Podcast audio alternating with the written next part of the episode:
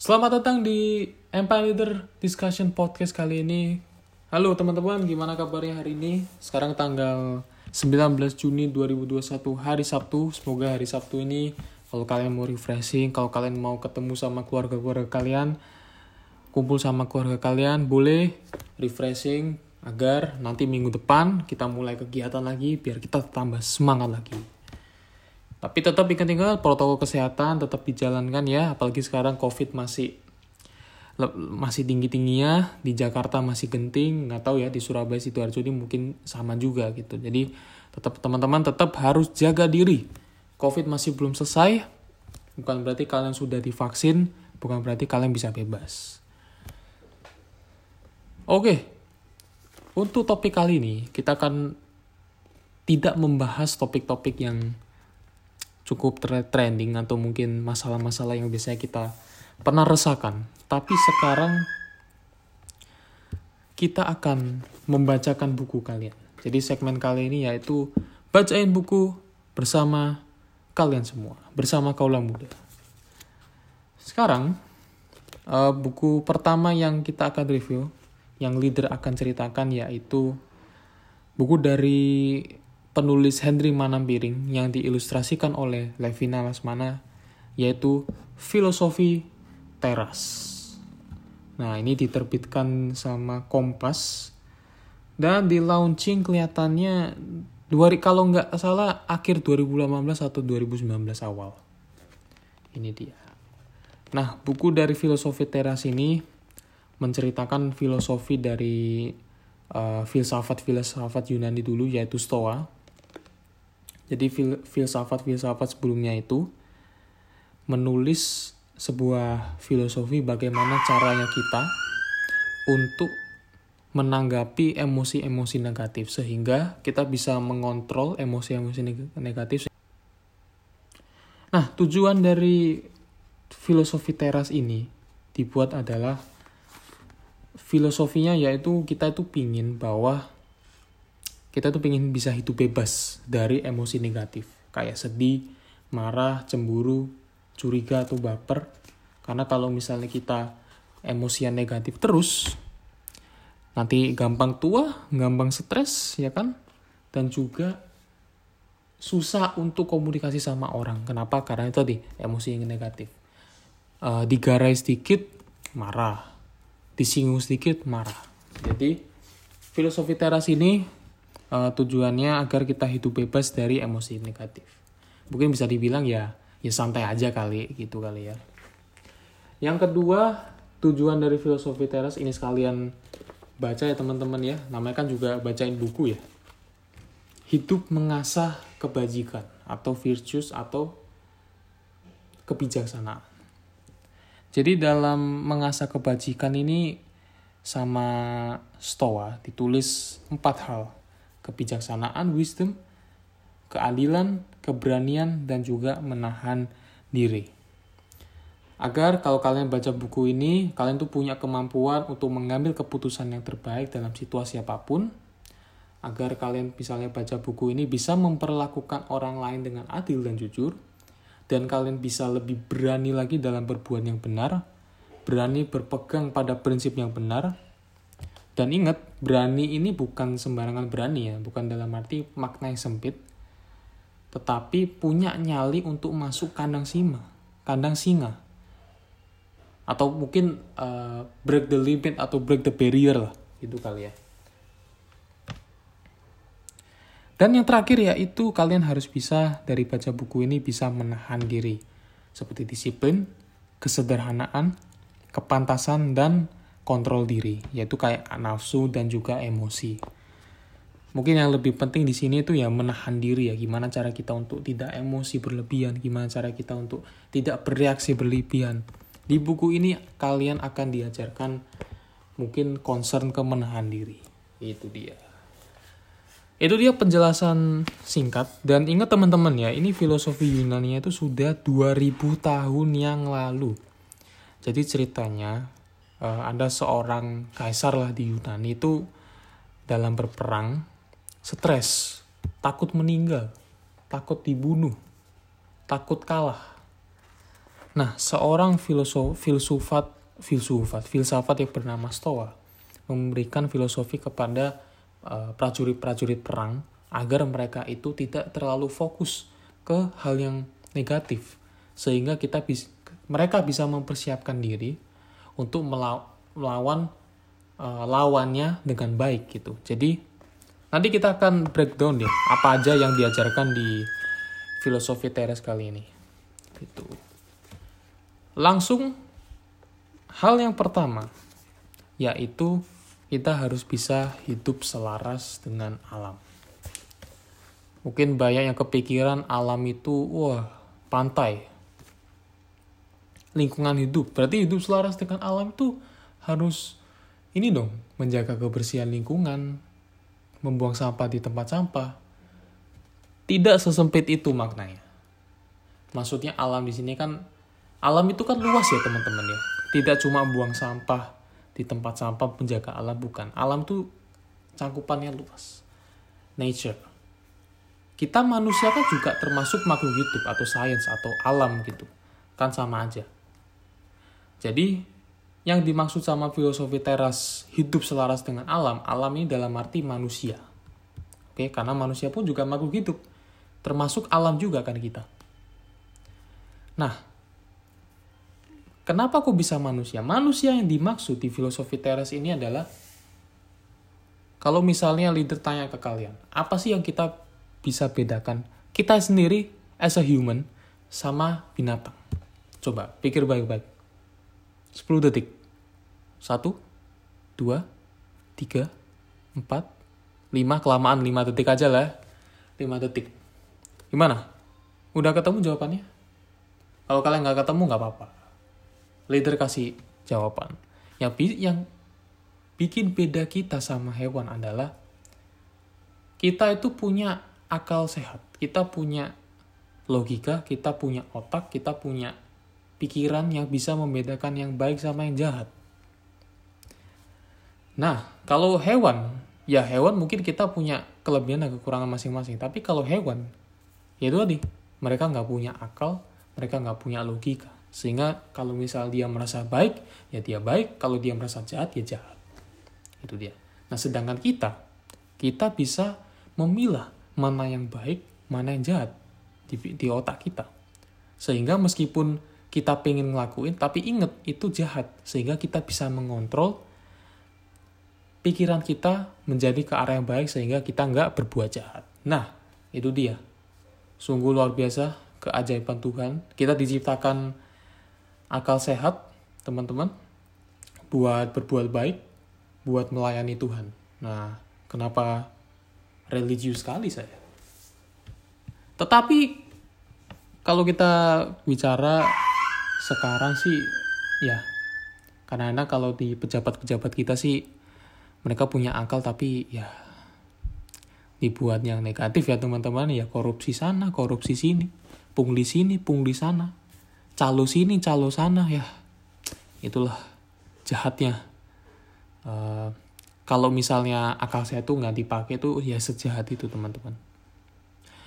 Kembali ke topik ya hidup selaras dengan alam. Jadi emang bener-bener kita itu harus bisa hidup dengan akal sehat kita hidup dengan logika sehat kita karena kadang-kadang orang-orang itu hidup ya hidup gitu tanpa memikirkan dengan akal sehat kita gitu. Kadang-kadang berbuat jahat, mencuri, copet, atau mungkin ya tadi korupsi gitu. Jadi intinya adalah kita harus hidup selaras dengan alam.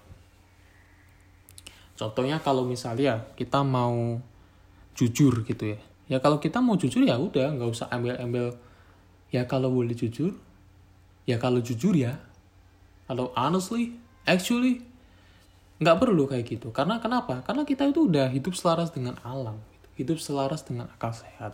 Jadi seharusnya kita yakin bahwa ya kita yakin bahwa kita ngakui kesalahan gitu loh.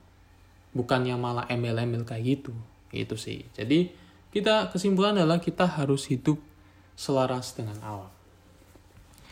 Yang kedua, yaitu fokus pada kendali kita dan lupakan hal-hal di luar kendali kita atau fokus pada hal yang di internal tapi bukan di eksternal. Gitu. Kenapa teman-teman?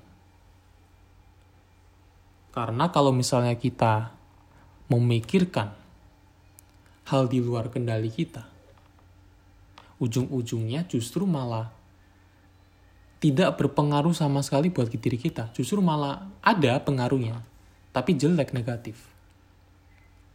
Contoh, kalau misalnya kalian suka ngejek orang lain atau nulis komen di orang jelek, ujung-ujungnya tuh tidak ada pengaruh apa-apa sama mereka. Justru malah pengaruhnya itu buat diri kita sendiri. Justru malah kita, merusak diri kita sendiri. Kita iri, kita benci, kita caci maki. Justru itu malah merusak diri sendiri, merusak citra citra kita juga gitu.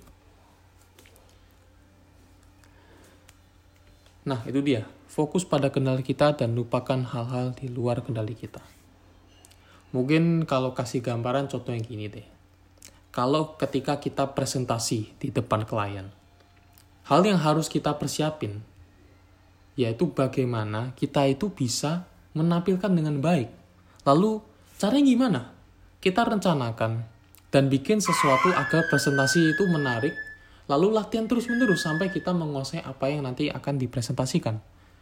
Nah, supaya kita nggak grogi, kita itu nggak perlu mikir reaksi klien gimana, penilaian klien gimana.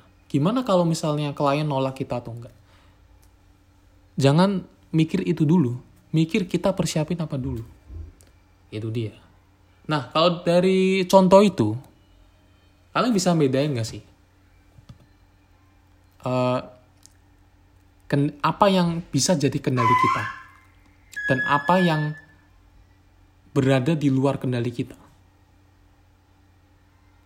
Oke, leader ulang. Coba kalian pilah mana yang bisa kita kendalikan dan mana yang tidak bisa kita kendalikan. Yang seharusnya tidak usah kita kendalikan. Jelas ya, leader ya, eh teman-teman ya. Yang bisa kita kendalikan adalah kalau dari contoh tadi, yaitu kita rencanakan dan bikin sesuatu agar presentasi itu menarik. Itu dia yang bisa kita kendalikan. Yang di luar kendali kita adalah reaksi klien, gimana penilaian klien atau gimana kalau misalnya klien nolak kita untuk mungkin tidak gabung bisnis atau di perusahaan. Itu yang seharusnya tidak perlu diperba tidak perlu dipikirkan. Kenapa? Karena itu di luar kendali kita. Kita nggak bisa mengendalikan reaksi orang lain, apa yang orang lain lakukan kita nggak bisa kendaliin gitu. Yang bisa kita kendaliin yaitu diri kita sendiri. Nah, kayak gitu. Nah, kenapa kita harus melupakan apa yang bukan kendali kita supaya itu tadi kita itu nggak perlu mikirin grogi awal-awal, kita nggak perlu ragu-ragu atau mungkin kita itu nggak perlu stres awal-awal atau overthinking. Kalau misalnya dari awal kalian overthinking, grogi, ya ujung-ujungnya ya kalian di depan klien ya grogi juga. Gitu. Makanya kalian harus latih itu dan kalian harus cari apa yang kendali kita dan apa yang bukan kendali kita. Nah, berhubung di buku filosofi teras ini itu sudah diberikan banyak contoh. Apa sih di yang bisa kita kendalikan dan apa yang tidak bisa kita kendalikan atau seharusnya kita lupakan hal yang bukan kendali kita. Nah, ini dia. Leader kasih contoh dari buku ini. Sebentar ya. Leader coba buka dulu. Nah, ini dia. Yang tidak, yang bukan di bawah kendali kita, yaitu tindakan orang lain. Opini orang lain, popularitas kita, kesehatan kita, kekayaan kita, kondisi saat kita lahir, segala sesuatu di luar pikiran dan tindakan kita, contoh kayak cuaca, gempa bumi, dan peristiwa alam lainnya. Dan ada banyak hal-hal yang belum ada di masa para filsuf stoa hidup. Tetapi dapat kita kategorikan di sini seperti harga saham, indeks pasar modal, rahasia seperti motor dan nilai tukar rupiah. Ya mungkin itu sebagian contoh hal-hal yang sebenarnya tidak dibawa kendali kita. Nah, yang di bawah kendali kita itu apa? Yaitu pertimbangan kita sendiri, kayak opini, persepsi kita, keinginan kita, tujuan kita, segala sesuatu yang merupakan pikiran dan tindakan kita sendiri. Itu dia. Jadi, kalau misalnya leader bisa simpulkan adalah sebenarnya ini hubungannya sama untuk bagaimana cara kita mencapai sukses. Jadi kalau kalian mau kaya, kalau kalian mau capai goals kalian atau impian kalian, kalian, ya jangan kalian selalu mikirin apa yang bukan kendali kalian. Kayak itu tadi, popularitas kalian, opini orang lain, tindakan orang lain, segala sesuatu di luar pikiran dan tindakan kita, itu lupakan. Yang harus kalian pikirkan adalah kendali kita sendiri. Bagaimana kita bisa mempertimbangkan mimpi kita? Bagaimana kita bisa melihat persepsi kita terhadap terhadap impian kalian sendiri? Terus bagaimana keinginan kita untuk bisa capai impian itu? Terus tujuannya apa kalau kalian punya impian itu tujuan kalian apa? Dan ini yang paling penting, segala sesuatu itu merupakan pikiran dan tindakan kita sendiri. Itu dia. Jadi kalau kalian mau capai cita-cita kalian, fokuskan lebih kalian fokuskan diri kalian sendiri, bukan orang lain, bukan teman-teman kalian, bukan pacar kalian, bukan saudara kalian, tapi diri kalian sendiri. Itu dia. Jadi kesimpulannya, fokus sama apa yang bisa kita kendalikan. Nah, itu dia. Oke, semoga teman-teman dari sini udah mengerti ya beberapa poin-poin penting di filosofi teras ini. Ya mungkin leader nggak bisa kasih poin-poin atau bacain semua lah ya. Tapi setidaknya ini inti-inti yang kita bisa ambil dari filosofi teras ini, bukunya Henry Manampiring. Eh, Henry Manampiring. Nah, saya saya baca buku ini kebalik-kebalik soalnya. Oke, lanjut. Poin yang ketiga yaitu menerapkan STAR. S-T-A-R. Nah, biasanya uh, emosi kita terutama orang Indonesia kan kadang-kadang panas semua ya. Disinggung sedikit, oh panas. Drama sedikit, oh panas lagi. Masuk neraka nanti ya. Iya, nggak bercanda teman-teman. Nah, di filosofi teras ini, ini nih udah mulai nih latihannya. Kita akan mencoba untuk berlatih gimana caranya kita tidak beremosi berlebihan, reaksi berlebihan. Yaitu menggunakan teknik STAR, S-T-A-R. Kepanjangannya adalah Stop, Think, Assess, and Respond. Itu dia. Jadi kalau translatannya itu berhenti dulu, lalu pikirkan dan nilai dan lalu kita respon. Itu dia. Mungkin kita coba breakdown pelan-pelan ya. Stop. Ketika kita dapat hal yang dapat memancing kita untuk marah, untuk beremosi, hal yang kita harus lakukan adalah kita stop dulu. Jangan bereaksi apa-apa, jangan marah, santai aja. Stop. Misalnya kamu jahat, kamu kafir, eits, kamu kurang ajar, stop dulu. Oke? Okay? Nggak usah mikir aneh-aneh, stop dulu. Baru pikirkan dan nilai. Kenapa nih kalau gue dianggap jahat? Ya kenapa ya? Pikirin dulu. Supaya apa? Supaya dengan kalian mikir, kalian bisa melatih kalian untuk berpikir dan bisa lebih rasional dan juga bisa menurunkan tensi emosi kalian. Jadi kamu jahat. Kenapa ya aku jahat? Terus nilai nih orang. Kenapa orang ini menilai aku jahat? Emang ada masalah apa ini anak gitu. Lalu kalian sudah mikirin itu dan kalian punya asumsi sendiri, terus kalian respon. Nah, responnya ini pasti harus positif ya teman-teman, jangan negatif ya, jangan. Emang aku jahat kenapa? Ayo, ya jangan gitu. Respon yang positif ketika itu tadi kita coba kembali lagi ya urutannya ya kamu jahat. Terus kalian coba stop, lalu berpikir dan nilai ini, ini orang kenapa ya? Emang ada masalah ya sama aku ya? Hmm, kenapa ya aku dianggap jahat ya? Apa yang membuat dia bilang jahat kepada aku? Hmm. Lalu kita respon. Oh, oke okay, oke. Okay. Kalau kamu nganggap jahat aku oke. Okay. Tapi emang aku berbuat apa sama kamu? Emang aku ngelakuin apa sama kamu? Kok sampai kamu bilang jahat? Nah, dari teknik star itu tadi kan kita bisa lihat ya bahwa itu bisa uh, meredam emosi dan juga untuk mengcounter orang atau mungkin kita bereaksi itu santai kan tadi? Justru malah kita berdialog. Bukan malahnya kita nyerang dia nyerang kita nyerang dia nyerang gitu loh. Nggak selesai selesai urusannya gitu. justru dari star ini ya kalau uh, leader bisa lihat tuh bisa meredam emosi dan bisa mencari solusinya dengan star ini. Karena dengan star kita malah berdialog sama orang yang bikin kita kepancing. Sehingga akhirnya kita bisa menyelesaikan masalah dengan cepat itu. Nah itu ya. Atau mungkin contoh-contoh yang lain. Nih, leader baca dulu ya di filosofi teras ini. Misalnya.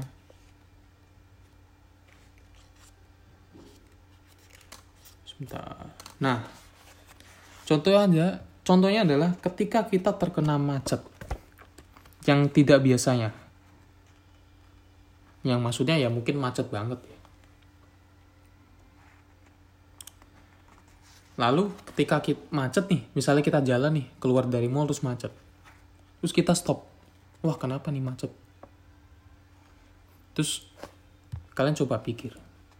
Macet ini kan sebenarnya bukan urusan aku ya. Kenapa aku marah? Hah gini aja kok marah. Nah itu dia. Itu menandakan bahwa kalian bisa menerapkan teknik start dengan baik. Kalau misalnya semua orang Indonesia bisa nerapin start, ya leader yakin sih udah hoax semakin minim, ya kan? Mungkin di mana-mana orang rukun, mau berbeda agama rukun, mau berbeda pem, apa berbeda idola juga rukun, semua rukun. Sorry, semua rukun. Itu dia penerapan start mungkin yang harus diterapkan oleh teman-teman ya gitu. Kalau misalnya kalian suka beremosi berlebihan bereaksi berlebihan gampang kepancing coba kalian terapin star itu tadi. Stop think assess and respond. Berhenti dulu ketika kalian dipancing orang lalu kalian pikir kenapa nih orang mancing terus nilai. Lalu ketika kalian sudah memikirkan dengan baik lalu kita respon dengan baik dengan star ini, kalian malah justru yang biasanya gampang kepancing, justru malah nggak gampang. Karena itu tadi, kalian ketika dapat pancingan, pancingan ikan, bukan, bukan. Ketika dapat pancingan reak, uh, emosi dari orang, akhirnya kita berpikir, justru dari berpikir itu yang membuat emosi kita turun. Tensi marah kita turun. Nah, itu dia. Jadi teman-teman semoga dari star ini kalian yang biasa emosi, kalian terapin di rumah atau di mana aja, latih ini praktek. Lalu ya semoga dari star ini bisa kalian gak gampang ya. Lalu yang keempat. Nah, yang keempat ini agak aneh sebenarnya ya. Yaitu kalian awal-awal harus memikirkan hal-hal yang negatif. Nah itu dia. Kok aneh ya lo kok mikir negatif kan gak boleh. Harusnya kan positif gitu. Nah ini dia. Kenapa kok kita harus mikir hal-hal yang negatif? Contoh, ketika kalian bangun tidur, kalian mau lari misalnya, mau maraton 5 km. Oke, aku hari ini mau lari 5 km. Seandainya mungkin aku gagal apa yang aku harus maksudnya tuh sorry ketika kita gagal kenapa oke aku gagal. 5 km nggak jalan karena mungkin aku ditabrak orang. Kan gagal kan tuh? Atau mungkin kesandung polisi tidur? Biasanya kan kalau kita lari di perumahan komplek kan klaster gini kan ada polisi tidur ya? Atau kita gagal lari karena ada emak-emak yang gosip akhirnya kita ikutan kepancing atau mungkin ada ketika pas kita lari ternyata ada kentang goreng ada waffle enak, ada gado-gado, ada ketoprak, akhirnya kita tergiur ya, nggak jadi lari, malah berat badan naik. Terus ada supermarket ya, ada minuman anggur kan enak. Nah, pikirkan itu, hal-hal negatif itu. Lalu kalian pikir positifnya. Kalian kasih solusinya. Seandainya kalau misalnya hal-hal negatif itu terjadi. Apa solusi aku? Yaitu ya udah aku nggak ya udah aku udah mikirin ini antisipasinya adalah harus bisa aware kalau misalnya hal-hal negatif ini muncul ketika lari. Nah, kalau dari tadi yang leader ceritain, gunanya apa sih kita mikirin hal yang negatif itu? Supaya ketika misalnya kejadian beneran, kalian nggak perlu emosi lagi. Kalian nggak perlu marah yang berlebihan. Kenapa? Karena sebelumnya kalian udah pikirin gitu loh. Sehingga misalnya kalau kejadian ya udah, ya udah gitu loh. Itu dia. Memikirkan hal-hal yang negatif awal. Jadi gini, memikirkan hal-hal yang negatif ini bukan berarti negatif thinking gitu teman-teman ya, overthinking gitu ya, bukan ini mungkin dua hal yang berbeda. Memikirkan hal-hal yang negatif ini supaya ketika kalian nanti kejadian, kalian cepat menemukan solusi. Dan kalian juga bisa ketika kejadian kalian emosi kalian nggak terlalu berlebihan gitu. Kalian bisa mengontrol emosi kalian. Nah itu dia. Yang terakhir, kita nggak boleh menyalahkan orang lain. Itu dia. Kita juga nggak boleh baper. Kita nggak boleh menyalahkan orang lain. Dari filosofi teras ini yang diajarkan adalah kalau misalnya orang lain berbuat salah di depan mata kalian lihat nih ada orang lain berbuat salah sehingga merugikan kita semua. Kita sebagai orang yang melihat orang ini berbuat salah kita nggak boleh nyalain orang lain. Nggak boleh kamu sih salah. Kamu gini-gini kita kan kalah gitu. Nggak boleh. Justru sebaliknya ketika orang lain salah kita kasih solusi ke orang lain ini. Misal kalau misalnya ada satu tempat yang dilarang merokok terus ada orang yang ngerokok nah biasanya kan kita kan ini orang gimana sih udah tahu ada tulisannya dilarang rokok kok masih ngerokok. Daripada kalian emosi berlebihan, bilang ke, ke diri kita sendiri, mendingan samperin orangnya, kasih solusi. Bilang, mas sebelumnya maaf, uh, mau kasih tahu aja nih, ini itu ada ada tulisan tempat ini dilarang merokok gitu. Nah, seperti tadi, kita nggak perlu memikirkan kendali orang Contoh kayak reaksi orang gimana terhadap kita. Kayak tadi, misalnya kita udah negur sesuatu, kalau misalnya orangnya itu, halah mas ngerokok segini tok, sebat-sebat, sebat-sebat satu hari, apa satu hari, satu batang aja loh gitu. Kalau misalnya komennya orang gitu, ya udah, diemin aja, nggak usah kalian pikirin. Setidaknya, at least, kalian sudah berusaha untuk kasih solusi ke orang lain, berusaha untuk negur orang lain. Kan kalau misalnya gitu kan, kan kalau kalian gitu kan juga punya niat baik agar ini orang tidak merokok di tempat itu. Nah itu dia. Jadi intinya adalah kita nggak boleh nyalain orang lain. Daripada kita nyalain orang lain, daripada kita komen orang lain, ya mending kita kasih solusi lah. Kalau kalian nggak mau kasih solusi, ya udah diem aja. Nggak, nggak usah peduluin. Itu dia. Daripada kita nyalain, mendingan kasih solusi. Itu dia, teman-teman. Hidup selaras dengan alam. Fokus pada kendali kita dan lupakan hal-hal di luar kendali kita. Terus terapin STAR tadi, STAR. Pikirin hal-hal negatif supaya kalau misalnya itu kejadian kalian nggak terlalu shock, kalian nggak perlu emosi negatif lagi. Terus kita nggak boleh nyalain orang lain. Nah, sebenarnya masih ada poin-poin yang lain sih sebenarnya. Dan nanti poin-poin yang lain yang leader jelasin nanti akan leader bikin part ada dua part, part 1 dan part 2. Part 1 5 poin awal, part 2 poin-poin terakhir, 5 poin-poin terakhir. Jadi uh, segini dulu teman-teman, semoga dari part 1 ini kalian punya gambaran bahwa filosofi teras ini just uh, memandu kita gimana caranya kita supaya tidak terlalu beremosi berlebihan gitu. Jadi tujuannya ini itu tadi ada dua. Kita harus punya kebajikan dan kita harus bisa bebas dari emosi negatif kita. Nah, sementara ini masih part 1, kita lanjutkan nanti part 2 uh, jangan lupa besok kita akan post eh, atau upload di Spotify hari Minggu tanggal 20 Juni 2021.